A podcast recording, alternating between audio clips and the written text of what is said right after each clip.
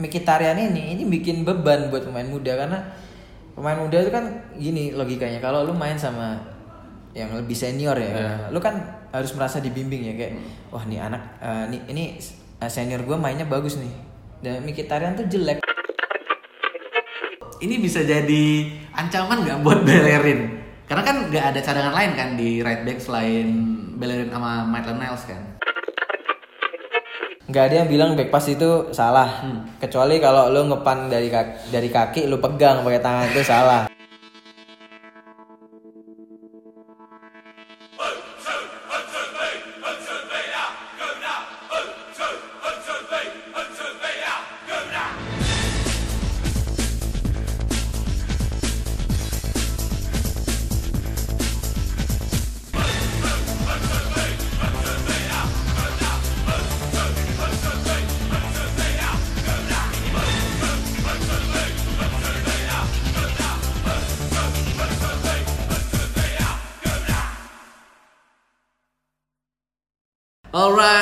to Good Local Podcast. Masih bareng gue Ilham Batara Simatupang Dan di episode ke-19 ini Gue masih ditemenin sama Rio Turangga di OG Iya. Di episode ini gue kita bakal bahas pastinya match kemarin dan juga match selanjutnya ngelawan Burnley.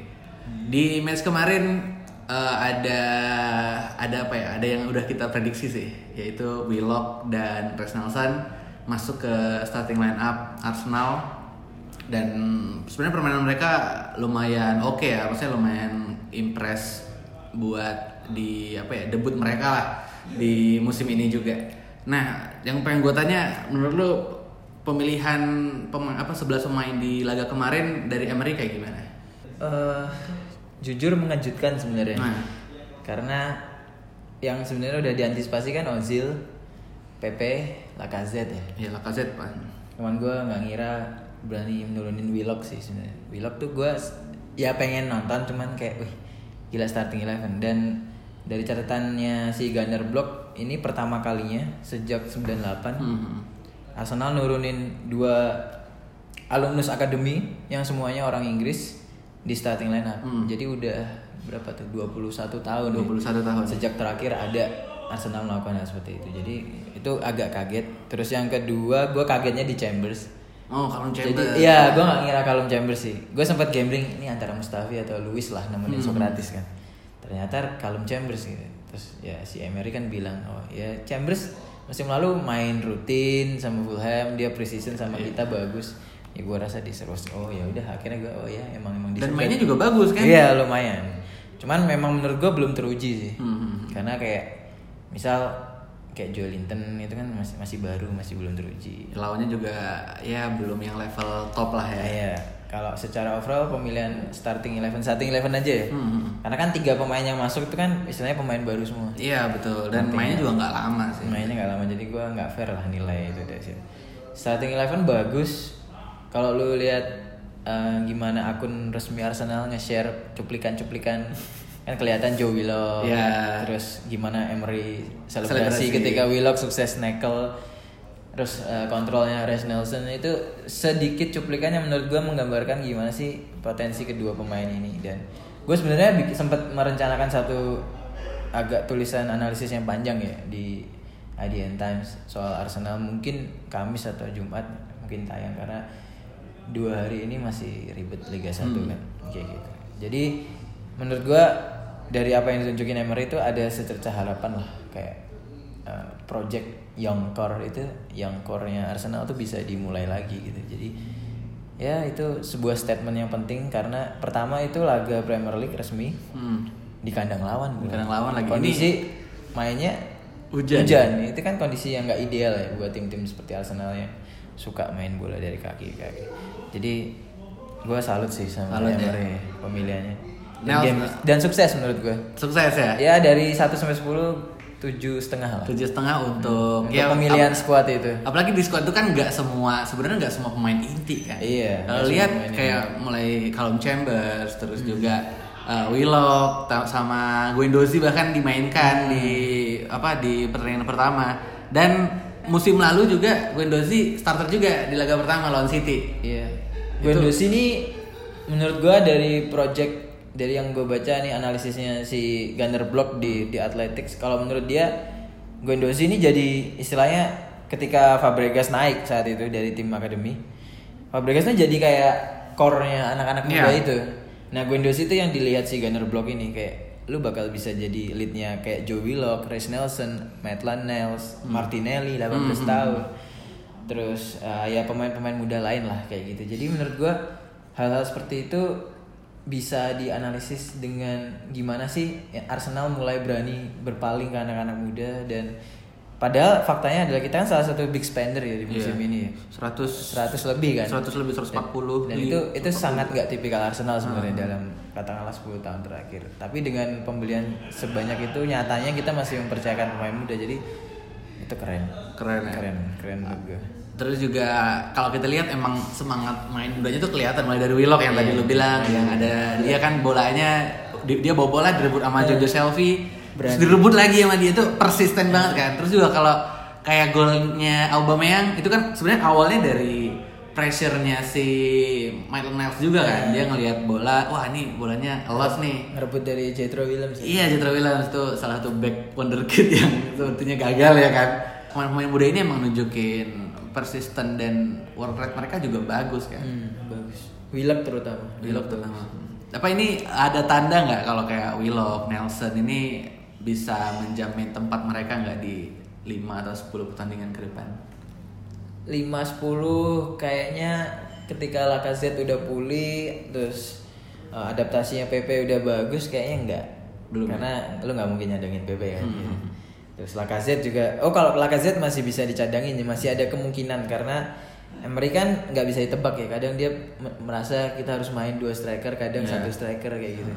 Itu nggak bisa ditebak. Even mereka tahu bromance-nya itu bagus banget tapi tetap nggak bisa ditebak menurut gua.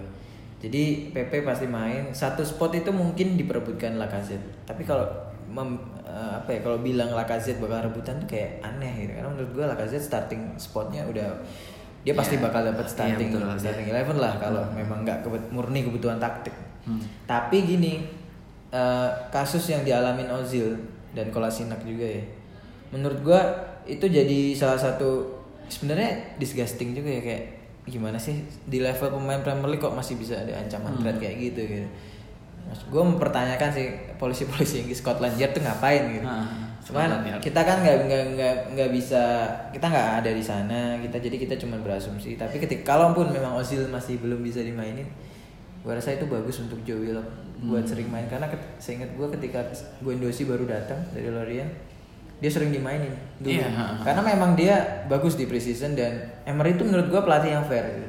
lu bagus lu earn your place gitu Oke. jadi dia bagus dia main rutin dan itu salah satu alasan kenapa ya kayak pemain El Neni Ramsey salah satu yang bikin gue yakin Ramsey itu berani dilepas Emery itu ya karena mungkin salah satu faktornya Guendouzi ya dia ngelihat wah ini bocah oke nih Dan kalau masih ada Ramsey mungkin dia bakal mungkin dia akan tertutup ya. Tertutup. dan kalau Ramsey juga nggak cabut Willock mungkin nggak akan promosi Hmm. tahun ini Nah, ngomongin yang tadi lu bilang, kalau lu main bagus, lu earn your place.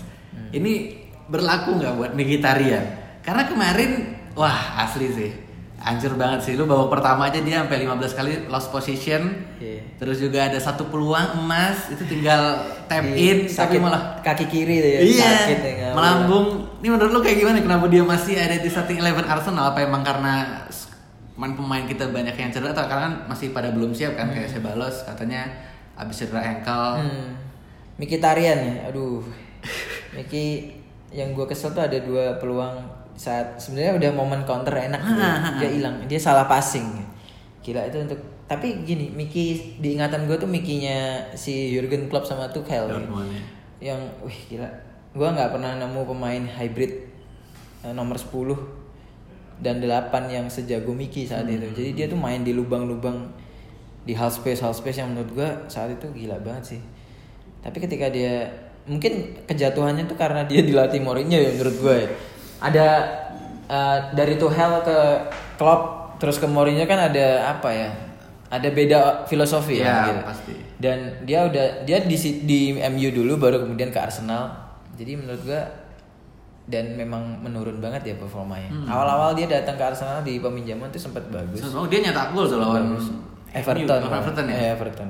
Sempat bagus dan gue nggak gue nggak sanksi sama kemampuan Miki, cuman kenapa turun tuh gue nggak tahu alasannya apa. Hmm. Kalau dibilang dia tua juga enggak, dia di usia emas gitu. Usia emas 30. Cuman kalau dia rutin main dan memang bisa tampil bagus, gue rasa dia memang bisa jadi salah satu opsi juga di lini serang. Cuman kalau kembali lagi ya kalau di posisi dia ada PP, PP pasti main. Terus juga ada Nelson, ada Martinelli yang yang surprisingly dimainin langsung sama Emery. Jadi gue rasa semua yang yang gue suka nih sekali lagi dari Emery dia fair gitu. Jadi kalau lu bagus ya lu main gitu. Dan itu menurut gua sebenarnya jadi tantangan tersendiri ya buat Mkhitaryan. Kenapa dia kemudian main? Menurut gua kemarin ya karena fisik pemainnya belum belum Belum ada yang banyak yang prima, fit ya? belum belum ada di level yang siap untuk main dari menit pertama dan menurut gua kan itu ada namanya periodisasi ya. Hmm. Jadi menurut gua ya itu murni kebutuhan stamina dan taktik juga. Hmm. Tapi kalau di lawan Burnley gua rasa mungkin Mkhitaryan akan dibangun cadangan sih kayaknya karena gue gue nggak gue yakin Emery nggak tutup mata dia bukan pelatih yang buta gitu Iya. gue gue lihat gila lu Mkhitaryan nih di match lawan Newcastle jelek banget Jelek banget ya. Apa dia kayak apa ya? Anti klimaks nggak sih? dan iya dan masalahnya kan gue di episode kemarin gue bilang eh, pemain-pemain Arsenal saat ini tuh ada beberapa yang ada di usia matang udah usia emas kayak Aubameyang, Lacazette, Ozil yang menurut gue itu bisa jadi ekosistem yang bagus buat pemain muda. Nah kayak Mkhitaryan ini ini bikin beban buat pemain muda karena pemain muda itu kan gini logikanya kalau lu main sama yang lebih senior ya, lu kan harus merasa dibimbing ya kayak wah nih anak eh, nih ini eh, senior gue mainnya bagus nih dan Mkhitaryan tuh jelek dan itu jadi burden bagi gue kenapa? Res Nelson sempat sempat ya 20 30 menit awal kan Iya, sempat iya. kena kartu kuning juga kan. Tackle Tackle. siapa itu? Gue lupa. Terus jadi kasihan juga ke pemain muda karena 11 itu kan main semua.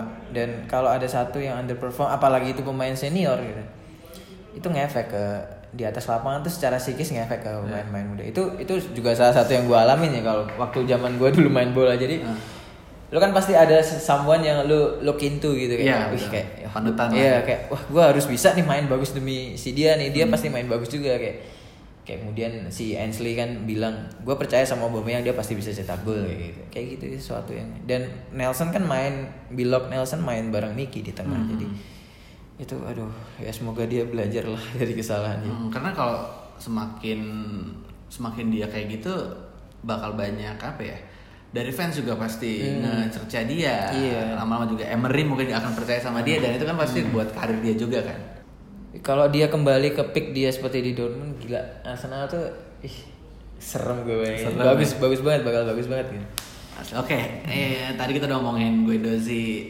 dan Mkhitaryan.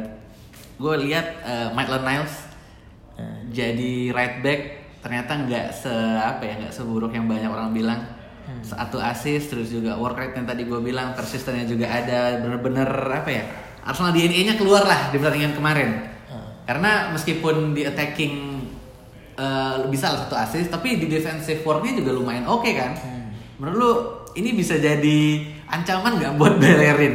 Karena kan nggak ada cadangan lain kan di right back selain Bellerin sama Maitland Niles kan. Gue ngutip dari ini James Pierce Oke. Eh, James Pierce ini kolumnisnya Athletics yang khusus ke Liverpool dia sempat bilang eh, dia sempat mengkritik Klopp Nathaniel Clan cedera panjang Nah, ACL kan kalau nggak salah jadi Trent Alexander Arnold tuh nggak ada pelapisnya Hmm. ini yang bikin pemain itu kalau lu tahu lu nggak akan lu main model apa pun lu tahu lu nggak akan diganti gitu Iya. itu imbasnya jelek gitu. Nah kalau gue seneng ketika Maitland Niles main bagus ya dan emang clean sheet kan dia.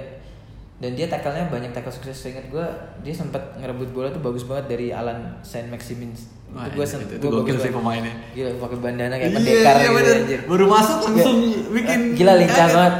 Terus dan gue sempet lihat dia track back terus eh, ngemotong intercept umpan itu. Jadi itu bagus banget. Dan sebelum itu setelah dia assist ya. Jadi Hmm. Dan memang Maitland Niles ini kan memang punya kelemahan ya karena nggak back murni kayak gue pernah bilang kemarin di episode lalu sekali ambil permasalahan Iya. itu ala-ala back Indonesia lah. Kalau lu sering lihat Hamka Hamzah gitu, itu back back seperti itu back back sekali ambil. Untungnya kan dia larinya kenceng ya. Iya, jadi dia betul. bisa ngejar lah istilahnya. Orang kan kalau udah dilewatin terus dikejar kan pasti gugup ya gitu. dia dia kelebihannya di situ. Kalau apakah Bellerin terancam? Iya menurut gua karena satu Bellerin baru sembuh dan apa ya pemulihan fisiknya sampai ke level sebelum dia cedera tuh butuh waktu lama kan. Satu dua bulan. Dia sembuh September. Dia bisa akan ke performa 100 mungkin butuh satu dua bulan. Itu pun dia harus sering main gitu. Nah itu sebenarnya jadi jadi istilahnya pekerjaan rumah yang menyenangkan buat Emery karena dia tahu dia bakal punya dua wingback kanan dan untungnya berkah dari cedera cederanya Bellerin musim lalu kan Ainsley main terus. Iya. Seingat gue dia pernah apa ya istilahnya penampilan yang bagus banget tuh lawan Valencia second leg Ya, di second Mestalla. leg di Mestalla. itu bagus banget Dua. yang dia ngelewatin Jose Gaya anjir itu kayak Maksudnya gitu wonderkid juga kan tuh. iya dilewatin sama eh, eh, iya bagus itu Waktu lawan Emi juga dia gokil. Yang kita 2-0 yang di iya dia, dia bagus pas kita dibantai Liverpool dia nyetak gol duluan gitu. Kita unggul 1-0 duluan loh. iya sebelum dibalik bagus sebenarnya itu anak bagus. Dan memang offensive fullback tuh ciri khasnya Arsenal gitu. Kalau lu lihat dari era Emmanuel Eboe deh kita nggak Iya. usah ke belakang jauh-jauh ya. Emmanuel Eboe, Sama. Lauren, Sanya. Misalnya. sampai kemudian Berin mungkin Debuchy ya yang agak lebih kuat defensifnya ya. Tapi Debuchy pun juga ternyata harus terlempar gitu. Jadi gua rasa si Ainsley sama Berin ini memang punya DNA Arsenal ya. Iya. offensive fullback mainnya bagus. Dan sayangnya kan dia sempat gue inget interview satu dua tahun lalu dia tuh sempat bilang masih era Wenger kalau nggak salah. Dia sempat pengen main jadi sayap kanan walau naturalnya kan dia CM Iya, C- dia cuma gelandang tengah. lah. Dia sempat pengen main di gelandang sayap cuman kan waktu itu Arsenal tiba-tiba Wenger berevolusi pakai tiga back otomatis butuh wing back kan. Di sana ditaruh lah Berin sama Ainsley dan ternyata bagus. Hmm. jadi kalau dilihat itu sebenarnya berkah ya karena kita kalau konsisten ya si Ainsley kita bakal punya dua back yang bagus sama-sama bagus kalau di zaman dulu tuh mungkin oh kayak City sekarang Yoi. makanya kan gue bilang kalau Kyle Walker sama Wow Cancelo lagi gila mau taruh di mana back Betul, kanan gitu. betul, betul. mungkin main tiga back Walker jadi back tengah Cancelo Cancelo jadi, kanan iya, gelandang Kan kanan. itu itu gila banget tuh dua orang itu jadi menurut gue ya kita akan mempunyai situasi seperti Hmm. yang dimiliki Guardiola sama Walker dan dan Cancelo cuman di level yang ya, Ya, mungkin, satu, tingkat lah Iya, iya. belum Karena ada di level Di tim lain juga nggak ada kan. Kita Iya. lihat di Liverpool, lu kayak bilang tadi. Iya, mungkin tren. yang sering jadi bek kanan paling Joe Gomez. ya Tapi melihat kan game, di, di tengah dia kemarin Ah, back game kemarin di tengah jadi partnernya Van Dijk. Terus MU juga ada. Wan Bisaka Iya, sama Dalot sih tapi Dalot. Dalot kan masih masih hijau lah Hmm, hmm, hmm. Wan Bisaka yang udah teruji sih. Chelsea juga cuman Aspilicueta. Aspilicueta juga kemarin jelek banget mainnya kan. Hancur sih, Defensive gitu. errornya banyak banget.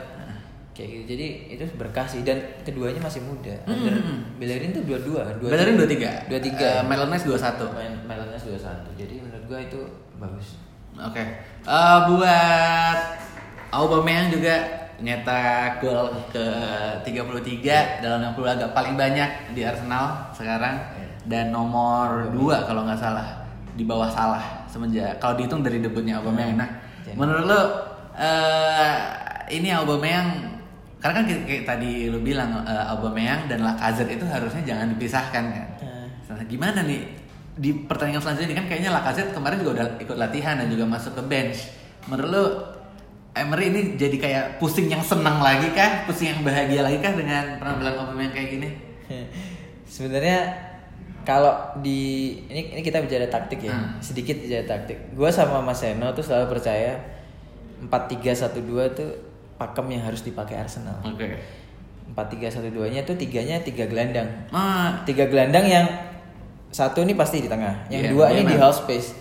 Ini dimainkan sama uh, Wenger ketika waktu itu banyak yang bilang Robert Pies sama Freddy Ljungberg itu inverted winger, tapi menurut gua kan Highbury itu terkenal sempit ya. iya betul. Lebar lapangannya sempit Ah. banget. Deket banget lagi. Dan benar-benar. itu yang bikin sebenarnya Arsenal tuh nggak main sayap, nggak main koridor sayap. Si Pires tuh main di half space itu. Mhm. Dan itu jatuhnya jadi kayak kalau lu main 4-3-1-2, dia jatuhnya format tiga gelandang gini, diamond. Mhm. Ini satu satu playmaker. Iya, iya. Kayak gitu. Nah, kenapa satu playmaker? Karena gue waktu itu gue masih mempertimbangkan Ozil. Hmm. Ozil situ. Nah, kalau 4-3-1-2 Yang sekarang. yang sekarang dengan kedatangan PP dengan adanya Ceballos dengan anak-anak muda Joe Willock, Rice Nelson gue rasa memang agak agak nggak relevan ya karena Nelson PP itu lebih cocok di half space cuman yang mepet ke sayap Iya. gitu karena memang punya kecepatan Emery juga orangnya tuh suka nyerang dari koridor sayap dan memang suka pemain-pemain kalau lu lihat transfernya kan kayak nyarinya Tierney itu bisa main di Iya, back sayap bisa masuk ke tengah. Iya dia, dia memang nyari yang bisa seperti itu. Jadi itu menarik sebenarnya. Nah Lacazette Aubameyang sebenarnya memang gimana ya modifikasi taktiknya yang gue bingung sebenarnya. Tapi kalau di atas kertas sih 4-3-3 yang paling relevan. Iya, betul. 4-3-3 kalaupun Aubameyang gue rasa Aubameyang tuh nggak akan dicadangin kalau dia nggak ya either dia ada masalah personal cedera akumulasi dia nggak akan nggak main Ya, dia pemain terbaik Arsenal dia sih, pemain saya. terbaik Arsenal saat ini dan dia tuh kayak menjawab doa kita yang selama bertahun-tahun di Huni dengan Joel Campbell, Joel Campbell, Joel Campbell, Oliver. Giroud dan sorry to say Lukas Podolski menurut gua dia Iya, datang ke Arsenal ketika dia udah udah Udah habis sih. Iya, Dia sosok sih sebenarnya. Iya, sosok. Tapi dia emang legend sih dengan attitude-nya dia legend. Iya, iya. Tapi dia datang di Arsenal dengan kondisi dia udah picknya udah lewat. Iya. Jadi iya, ya udah. gitu. Kita benar-benar punya deadly striker tuh ya terakhir ya si Snake lah ya, Hmm, RVP. Si Snake. Giroud tuh sub uh, sub target man, Hmm. bukan Goal goal, getter, Iya, bukan goal goal getter. getter gitu. Jadi ketika Aubameyang kan gue bodo amat ya waktu itu banyak yang analisis kan. Yang pas kita dikaitin sama Aubameyang Nah. Januari 2018 ya. Iya. Eh, tujuh, ya 18. Gue 17 dikaitin Lacazette-nya. dikaitin kan kita, wah kita udah punya Lacazette beli mahal-mahal gitu. Dan waktu itu gue inget banget Lacazette sempat banyak yang bikin analisis, wah eh, akan memakan tempatnya Lacazette. Ternyata mereka bikin bromance, Iya, benar. bikin partnership bagus gitu. Jadi Aubameyang ini jawaban yang selama ini ya kita tunggu-tunggu gitu. Ah, kayak betul. kayak lu doa minta sesuatu akhirnya dijabah Iya betul. Gitu. Meskipun agak lama ya, Iya, karena dari agak lama. 2013 ya. Iya dan Lima ya, tahun. dengan skill Aubameyang gila lu Mourinho aja bilang kan Iya, iya, kontrol betul, dia itu itu bukan kontrol yang simple itu genius, Genius. dan eh, gila itu finishingnya asik banget sih emang di kondisi lapangan hujan lu bisa kontrol kayak gitu finishing kayak gitu Betul. jadi ya, satu kotak ya. ah, ah, asik lah pokoknya jadi gua rasa prospeknya gue sih berharap Emery menemukan cara memainkan LAP ya Mhm. Lacazette, Auba, PP cuman tapi di satu sisi gue juga berharap skema tiga gelandang tuh nggak nggak nggak nggak diabaikan Hmm. jadi otomatis kalau kita main dengan mengakomodasi trio LAP dan tiga gelandang yang 4-3-3 yang paling Mhm. cuman kalau ngelihat bursa transfer Arsenal tuh kayaknya tiga back itu jadi favoritnya si Emery sih cuman gua rasa tiga back tuh mungkin akan dipakai kalau laga tandang eh laga kandang Udah kan udah benar. karena laga kandang kan lu pasti pengen lebih ofensif ya. Hmm. Kalau laga tandang kan wajarnya ya lu ngincer counter, main lebih karena main di kandang lawan. Iya. Kayak gitu sih. Oke, terus juga kemarin tiga pemain cadangan yang masuk itu pemain baru semua. Hmm. Pepe, Martinelli, sama Ceballos. Ini yang gue yang sebenarnya kemarin yang gue highlight itu Martinelli sih. Hmm. Umurnya masih 18 tahun. Kalau nggak salah dia pemain termuda kedua setelah Mason Greenwood yang main di musim ini, pemain Hmm. muda yang main musim ini. Nah, eh, Martinelli ini kan kemarin kita juga belum belum ini ya, belum belum pasti tahu lah ya apa eh, posisi dia sebenarnya itu apa kan. Hmm. Karena kan kemarin dia juga gantiinnya si Nelson kan gantiin Pepe, Ceballos gantiin si Mkhitaryan. Willock. Willock ya, eh, Martinelli kan ganti Willock, tapi pas di lapangan dia jadi mainnya Sayap. lebih ke sayap. Sayap kiri. Nah, nah ini yang apa ya? Dia kayaknya bakal jadi apa? eh, cadangannya di sayap kiri kali ya. Karena kan di kanan Hmm. mungkin ada Pepe dan Nelson, di kiri mungkin bisa Aubameyang sama si Martinelli. Hmm. Martinelli, Martinelli itu memang banyak yang nyebut striker ya. Hmm. Tapi kalau gue lihat si di Ituano ya, klub lama. Itu anu iya, itu anu. Itu dia main di winger, starting spot eh, starting pointnya di sejak kick off itu emang di sayap gitu. Sayap kiri dan dia kaki kanan kan. Ya inverted inverted gitu. Kalau lu inget mungkin kayak si Everton Suarez. Hmm. Everton Suareznya Brazil. gitu. Bagusnya Martinelli sih menurut gue larinya, larinya kenceng, tekniknya ya teknik-teknik ala Brazil. Cuman kalau menurut gue masih mentah, masih mentah tuh apa ya? Kalau gue ngelihat dia tuh kayak gue ngelihat siapa ya? Hmm, kayak gue ngelihat Gnabry awal-awal. Hmm. Jadi bagus punya prospek cuman masih mentah gitu. Itu masih butuh jam terbang lah istilahnya. Entah itu di latihan bareng tim utama, entah itu main nanti di Carabao atau di apa ya Europa League maybe. gue rasa dia dia sangat perlu dimainkan di laga-laga seperti itu biar kepercayaan dirinya tumbuh dia tekniknya terasa mentalnya terasa karena kalau ya lu kan pasti sebagai fans lu pengen tim lu nggak nggak nggak cuman punya 11 pemain terbaik tapi Iya. ya kalau bisa 25 pemain terbaik gitu kan untuk semusim penuh jadi gua harap ya memang sebuah keputusan berani ya Iya. si Martinelli memang didatengin buat ternyata langsung dilibatkan di tim Betul, utama nggak nggak sama team. U23 Hmm. gitu jadi gua rasa dan itu langsung dimainkan di laga debut kan karena memang ya seperti kata Emery dia layak di preseason bagus jadi dia main gitu Nah, eh, ada nggak chance dia buat di apa ya?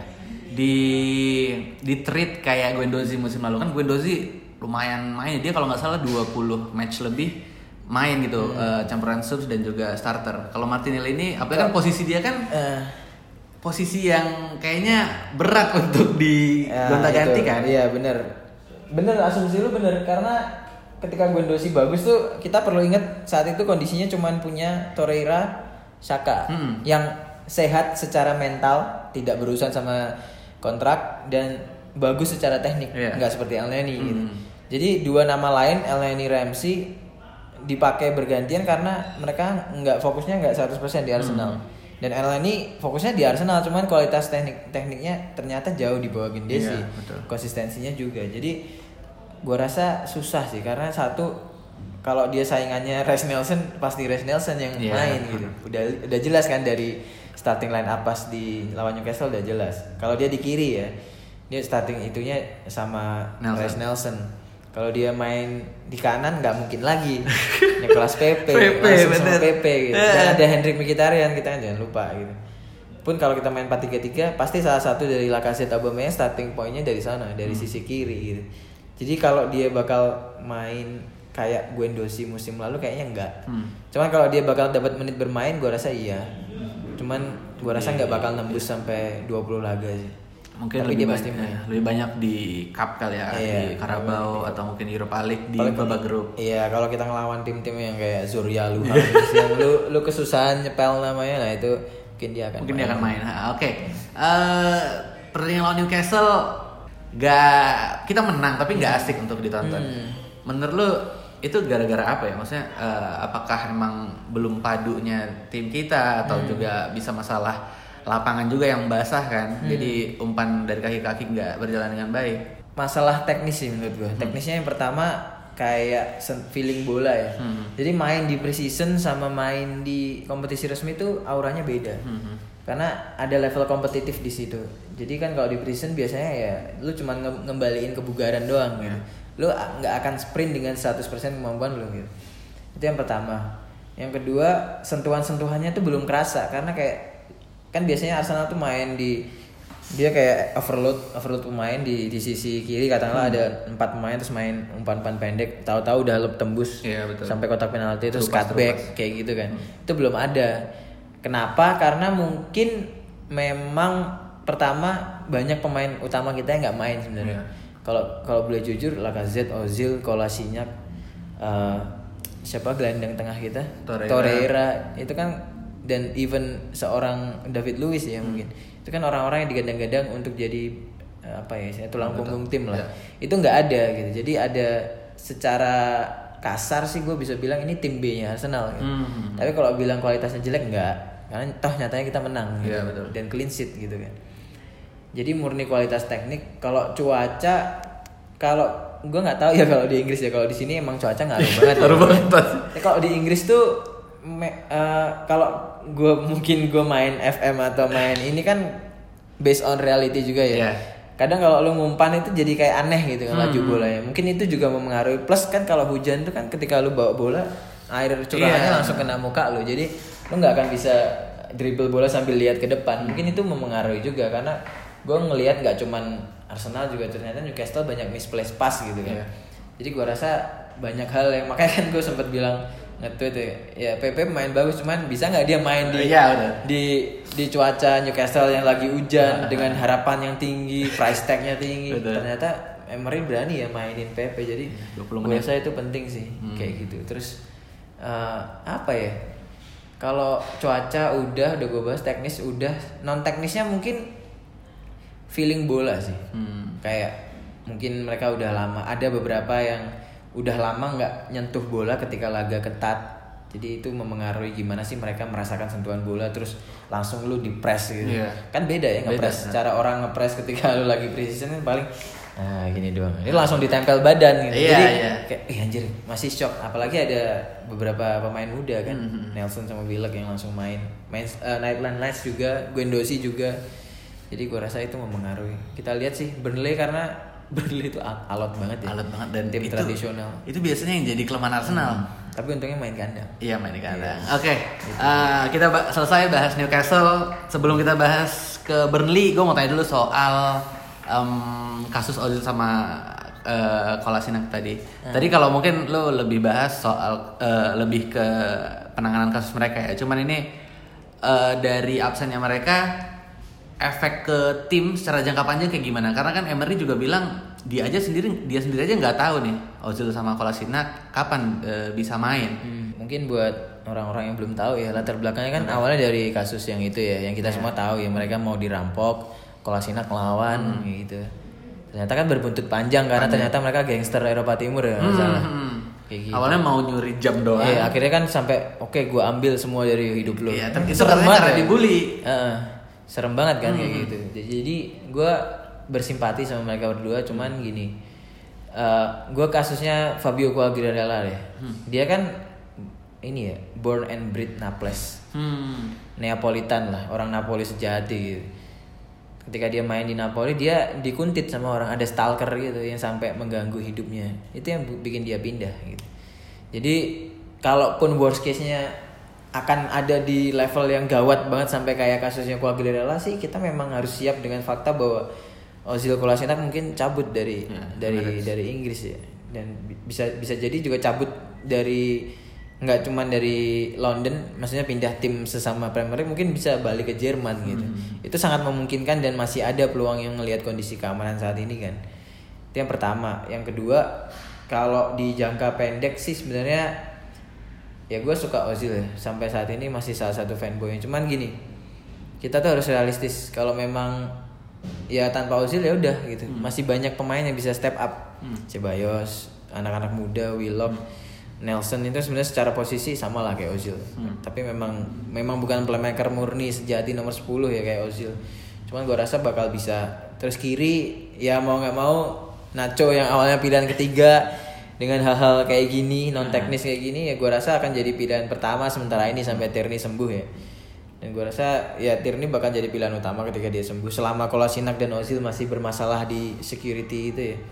Itu yang kedua. Yang ketiga sih gue berharap sebelum festive period Christmas itu gue rasa gue harap ini udah selesai sih masa-masa ini. Karena di pekan-pekan sibuk kayak gitu. dan ada interna- international break juga kan dua kali kalau nggak salah di sebelum Desember.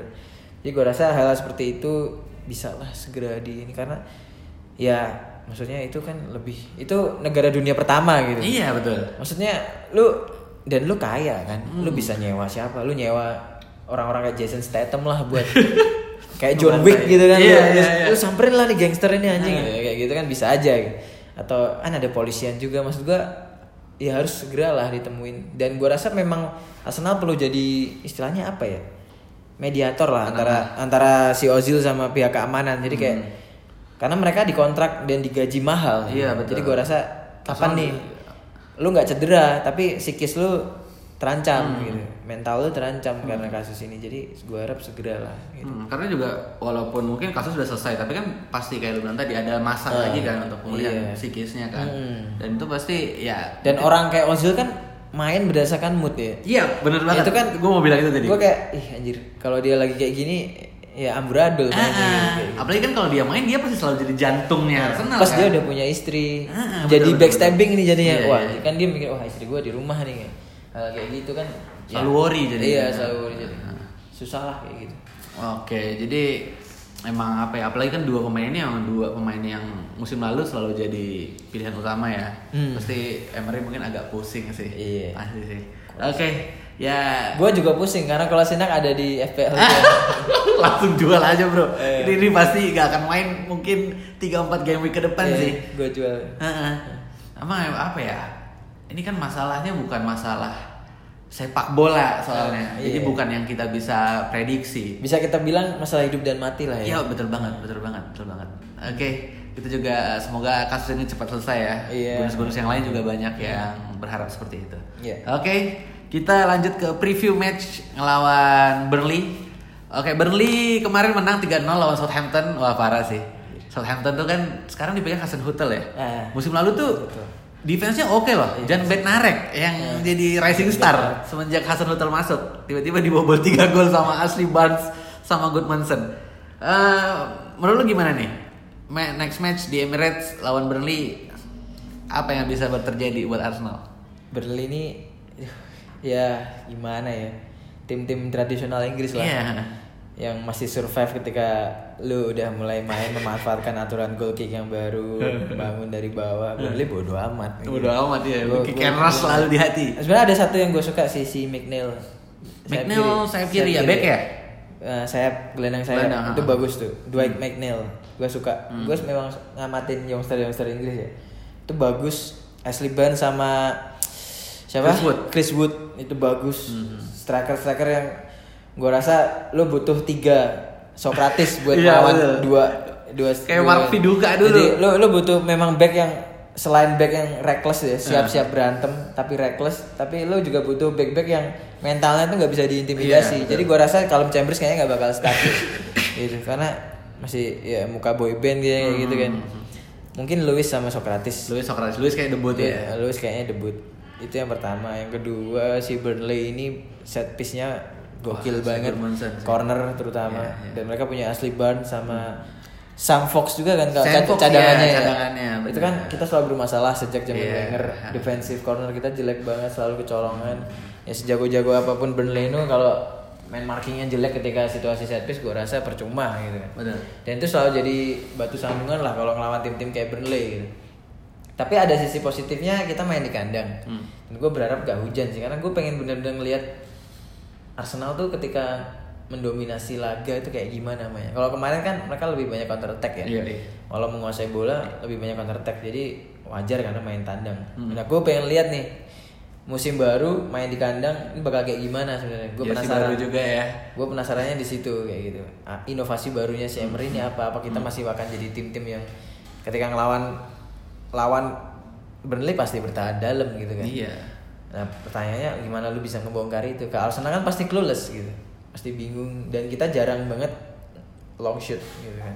Karena emang nggak ada pemain yang bisa Granit Xhaka sih Granit Xhaka kan. iya Granit Xhaka. Dan Xhaka kan seringnya terlalu deep kan mainnya. iya kayak gitu. Jadi banyak banyak hal-hal yang sebenarnya gue menarik untuk ditonton ya. Hmm. tapi juga satu sisi gue khawatir gitu. Karena Burnley ini tricky gitu. Kalau dibilang tim lemah ya enggak. Enggak juga. kalau dibilang tim jelek ya ah, enggak jelek sih sebenarnya kalau dibilang tim bagus juga sebenarnya. juga, iya. enggak ada di level kayak Manchester City enggak itu kalau lu ngelawan tuh lu nggak akan nggak akan ketakutan ini tuh sama kayak istilahnya kalau orang Inggris pundit-pundit Inggris tuh bilangnya bugi tim Bugi jadi tim. kalau Arsenal dulu kan Tony Pulis sama Stoke City Iya, nah, sekarang kita ketemunya Burnley Burnley sama St. Dice gitu jadi tim-tim bugi yang gue rasa nggak kayak kalau lu makan tuh kayak selilit gitu Ah, ah, ah. selalu memberi kesulitan lah Ya makan habis makan daging ya, makan Iya. daging lada. susah alat banget Kayak gitu. Oke, eh, kayak lu bilang tadi David Luiz mungkin akan debut. Nah, LAP kayaknya bisa main nggak menurut lo? mungkin main Ah. mungkin main tapi gue masih ada feeling Nelson main dari awal Hmm, karena kan Nelson iya, sama iya, iya. Willock Emery juga bilang kan kemarin eh, PP mungkin gak akan main penuh sebelum dia benar-benar 100% kan. Hmm. Dan dia Emery bilang mungkin butuh 3 sampai 5 kan laga. Rabu Kamis ini Kamis besok ya Rabu atau Kamis ini kan mereka mau ini internal game ya Hmm. sama tim U23 apa tim muda gitu buat ngembaliin eh, istilahnya match fitnessnya Iya. pemain-pemain kayak PP sama Lacazette gitu. tapi nggak gue nggak tahu belum ada kabarnya lagi di Hmm. website ya Arsenal kayak gitu sih Oke, eh, buat gelandang menurut lu siapa nih yang bakal main? Shaka pasti, Xhaka. Shaka Guendouzi kayaknya Xhaka Guendouzi. pasti akan jadi pilihan pertama ya. gue penasaran Torreira juga di musim baru Hmm. kayak gimana sebenarnya nggak dibilang jelek sih musim lalu cuma menurun dikit di Iya, putaran menurut di kedua paruh kedua. Eh, feeling gue Shaka, Gendosi sama Willock sih Mas Yan. Sebayos nggak kayaknya belum. Tapi Sebayos tuh unik kemarin. Statsnya yang gue baca di Stats Bomb tuh dia Defensive belasan gitu. kali ya. Dia 17, ngepres 17 ya. defensive action. Dia berani ngepres lawan, mau ngepres lawan dan sebenarnya kalau lu lihat dari TV itu gue lihat ringkih banget badannya. Iya, iya benar gitu. Tapi, ih, tapi dia berani kayak gitu. Banyak apa Tapi ya? ini yang kan Willock eh kok Willock Eh, si Ceballos itu kan terkenal dengan eh, apa ya luwes kan iya, body Kan kayak body fade-nya bagus Frankie kan de Jong. mungkin karena hujan ya nggak kelihatan ya jadi gue kayak ngelihat wih kayak anjir Masih takut, masih gampang kaku gitu. dan Iya, iya. hujan kan mungkin dia mikir anjir ini licin ya. Ah, gue nggak ah, tahu sih ah. gue masih ngelihat dia tuh kayak kaku banget kakinya ah, mungkin mungkin mungkin nggak nggak nggak ini sih dia belum nyaman Ah, gitu iya, benar, Jadi benar. kayak gitu Ah, hal kayak gitu cuman ya semoga semoga nggak hujan dan Semoga. ya cuaca kita nggak bisa ngatur tapi gue harap Ceballos nggak kayak Denis Suarez sih kayak gitu Dan dia juga kemarin udah nunjukin rebelnya Ah. ya ngulur-ngulur waktu dengan uh, Bagus. intercept bola di luar uh, luar lapangan. Hmm. Oke, eh di Kubu Burnley juga yang bahayanya sih gue satu sih liatnya. Nick Pope balik. Oh iya. Nick Pope udah balik. Karena Itu- Tom Hinton ke Aston Villa. Iya, Nick Pope udah balik. Johar kan sebenarnya masih ada kan di Burnley. Tapi yang kemarin itu Nick Pope. Itu Nick Pope tuh di musim lalu salah satu back eh, kiper yang paling banyak ngasih eh, poin di Poin. FPL. Save sama clean sheet ya. Iya, jadi menurut gue itu salah satu ini sih eh, batu sandungan buat Arsenal. Tapi buat eh, sama Aubameyang gue percaya sih. Kalau back ini Tarkowski yang bagus kan. Oh, iya, iya. James Tarkowski tinggi itu banget. ah, back timnas juga tuh. Nah, cuman dia masih di pool kedua lah. gitu. Mungkin Tapi harganya nggak mungkin nyampe 80 juta. tapi gue yakin kalau nggak tahu ya punya Aubameyang tuh bikin bikin gue optimistis siapa pun kipernya kita Hmm. pasti bisa at least cetak gol lah gitu. Entah hasilnya menang kalah itu kan belakang yang penting kita gue yakin kita bisa cetak gol gitu. Hmm. Cuman memang kehadiran pemain-pemain kayak Aubameyang Lacazette kan memberi kayak apa ya buat fans tuh kayak wah kita bisa nih cetak gol. ada rasa aman Mau, gitu. ya. iya mau kayak gimana kita pasti bisa cetak gol. Jadi mau Ederson sekalipun, Alisson sekalipun, ya terbukti kan Alisson nggak pernah clean sheet lawan kita. Iya, iya. satu Melonel, satu Lacazette. Nih, Lacazette juga pernah bobol Ederson walau kita kalah sama City. Tapi at least itu kan nunjukin kalau kita tuh selalu mampu cetak gol. Hmm. Jadi gue optimistis cuman ya semoga Arsenal nggak melakukan komedi-komedi yang nggak perlu gitu Betul, lawan betul. lawan tim-tim kayak Burnley. Iya, harusnya new season new behavior lah. Iya, ya. new season new behavior lah. Oke, eh, itu dia tadi preview soal match next match lawan Burnley. Hmm. Eh, nanti kita lanjut lagi di segmen kedua.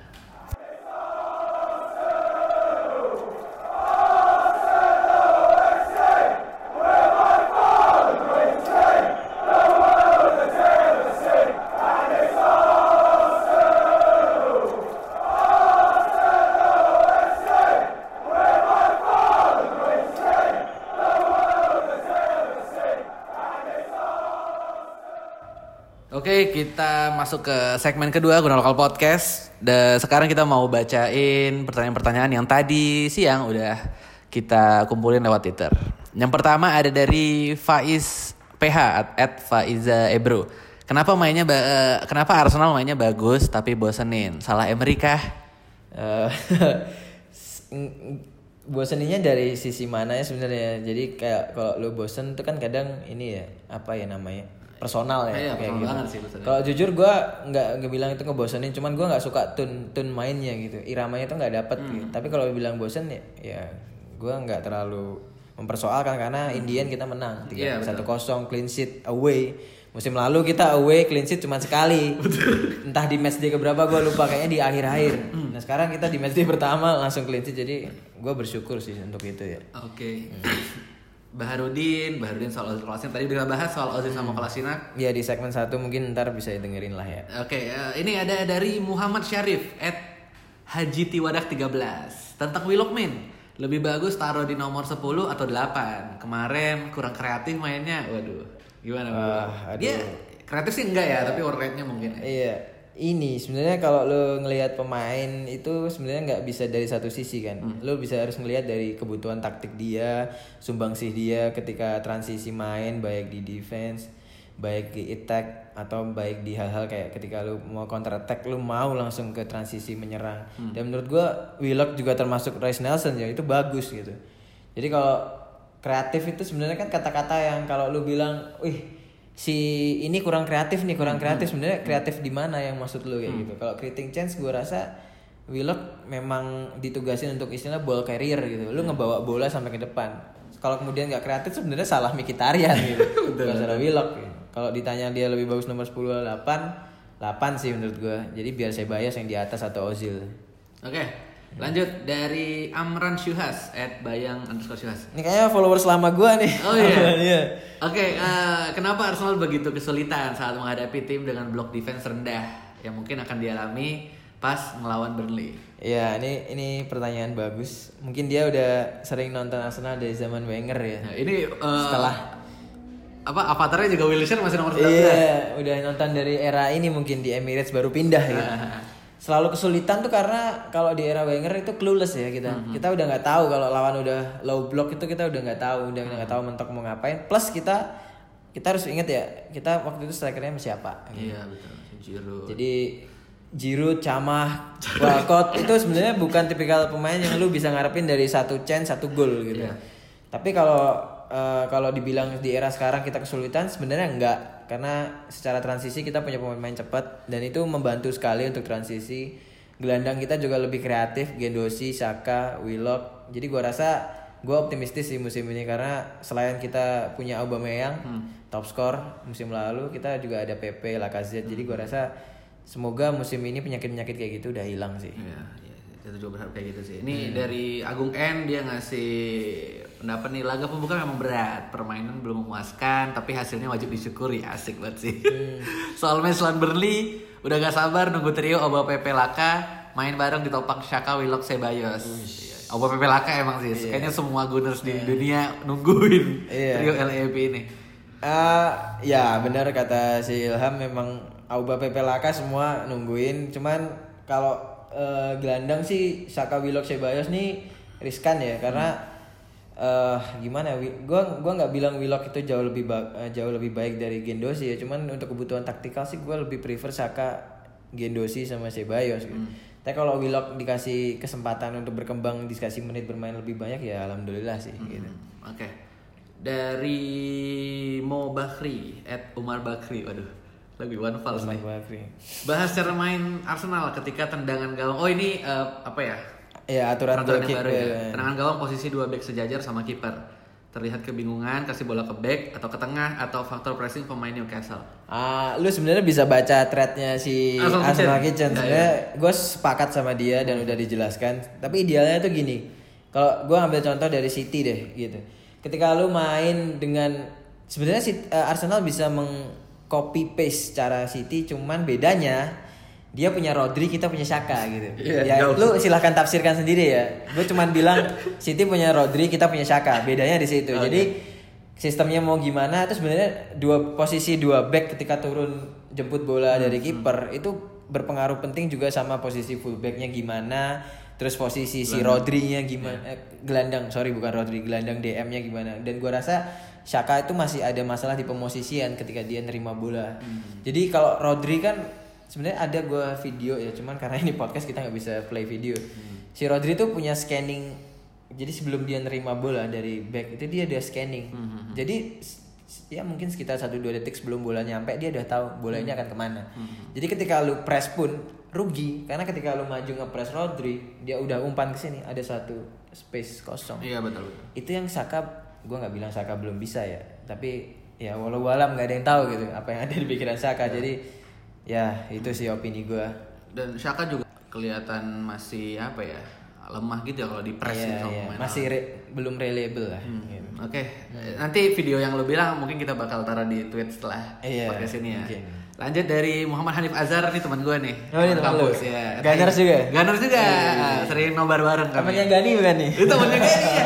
Jadi dulu di kampus Eh. waktu gue jadi ketua klub TV itu, Eh. Gani jadi produser eh, acara bola. Oh, namanya Football Time aku lupa udah. Eh. Nah, dia nih selalu jadi bintang tamu ini nih, reguler nih. Oke, Selalu ada.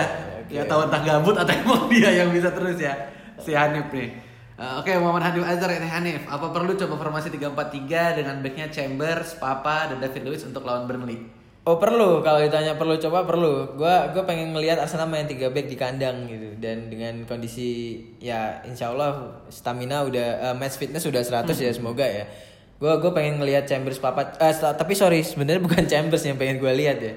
Sebenarnya gue pengen penasaran Socrates Papa sama David Luiz. Socrates sama Eh, Papa sama? Sorry, Socrates Mustafi sama David Luiz. Ha. Karena sebenarnya Mustafi ini gue pengen lihat ketika dia main bareng uh, sama orang sosok berpengalaman dan mental juara kayak si David Luiz. David Luiz itu kayak gimana dan kita jangan lupa ya gitu-gitu Mustafi punya pernah ngangkat World Cup gitu Iya, jadi iya. Walaupun bukan pemain utama ya. walaupun bukan jadi gue gue penasarannya di situ sih tapi kalau Chambers boleh coba ya monggo aja sih gue Oke, oke ini Ed Uya prediksi line up udah tadi untuk eh, lawan Burnley. Terus, oke ini Muhammad Aldan, Ed Aldan underscore H. Setuju gak kalau Chaka lebih cocok main di formasi yang tidak pakai eh, pemain nomor 10?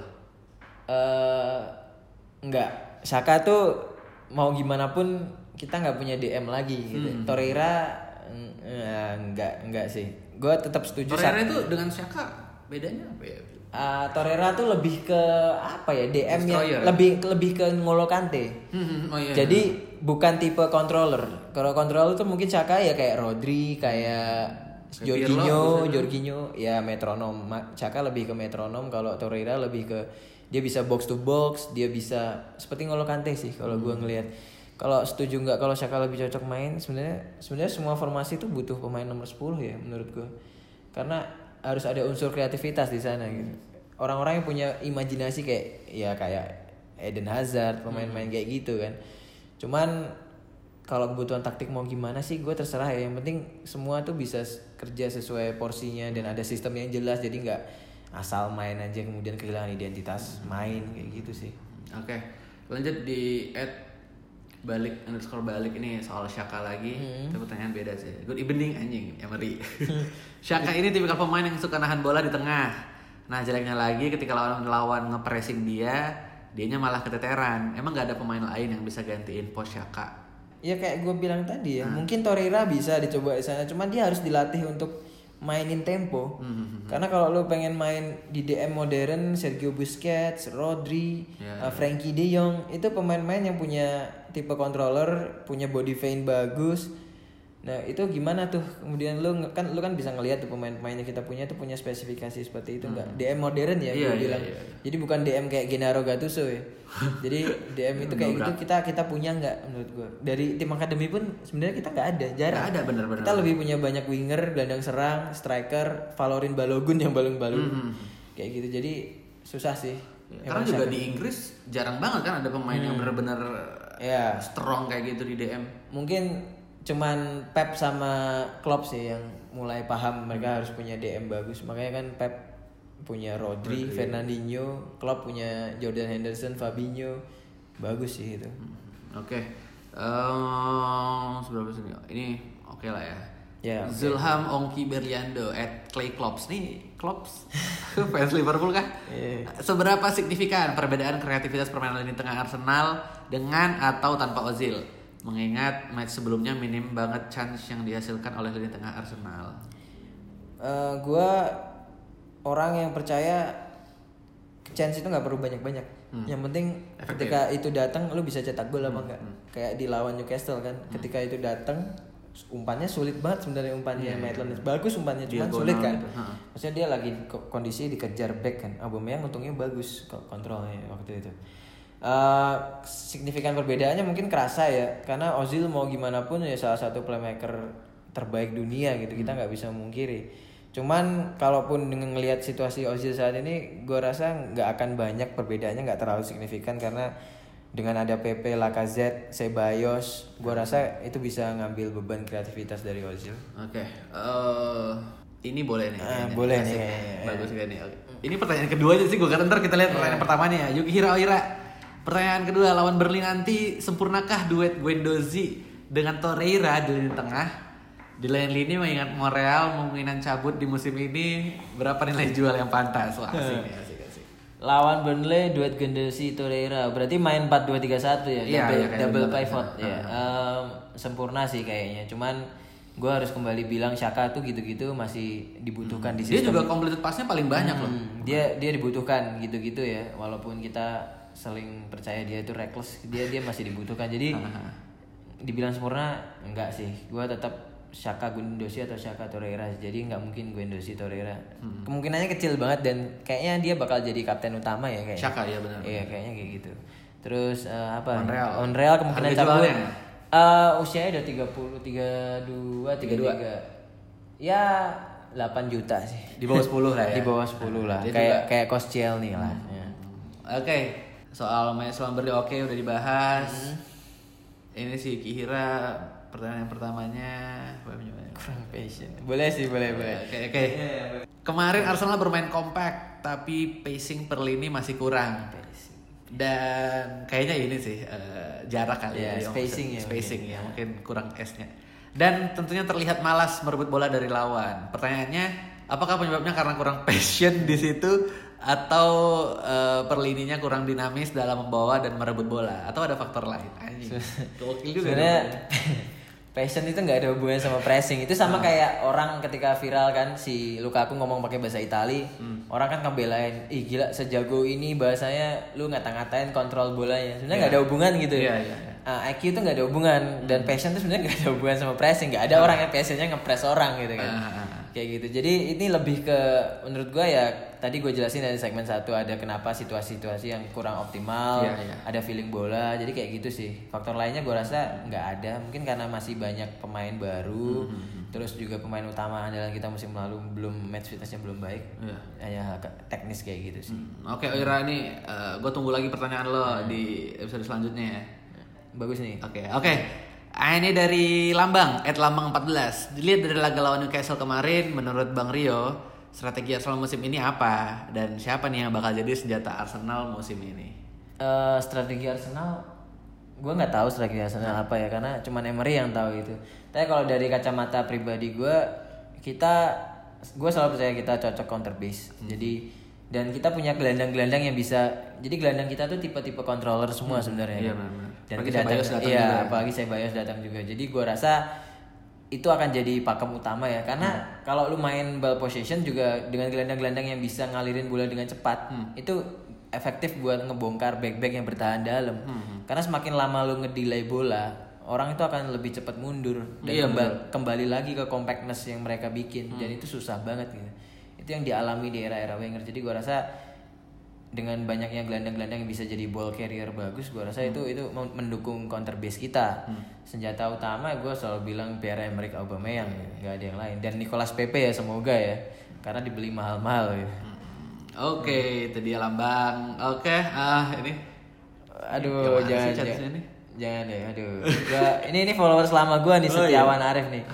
Nah, gua jawab ya gua ini ngechance ini belum teruji karena kita belum melawan Tottenham dan belum menang. Ntar gue janji kalau kita menang Iya, Nanti gua- ya, gua- gua game week 4 kita lawan Tottenham kok. Iya. Habis lawan Liverpool.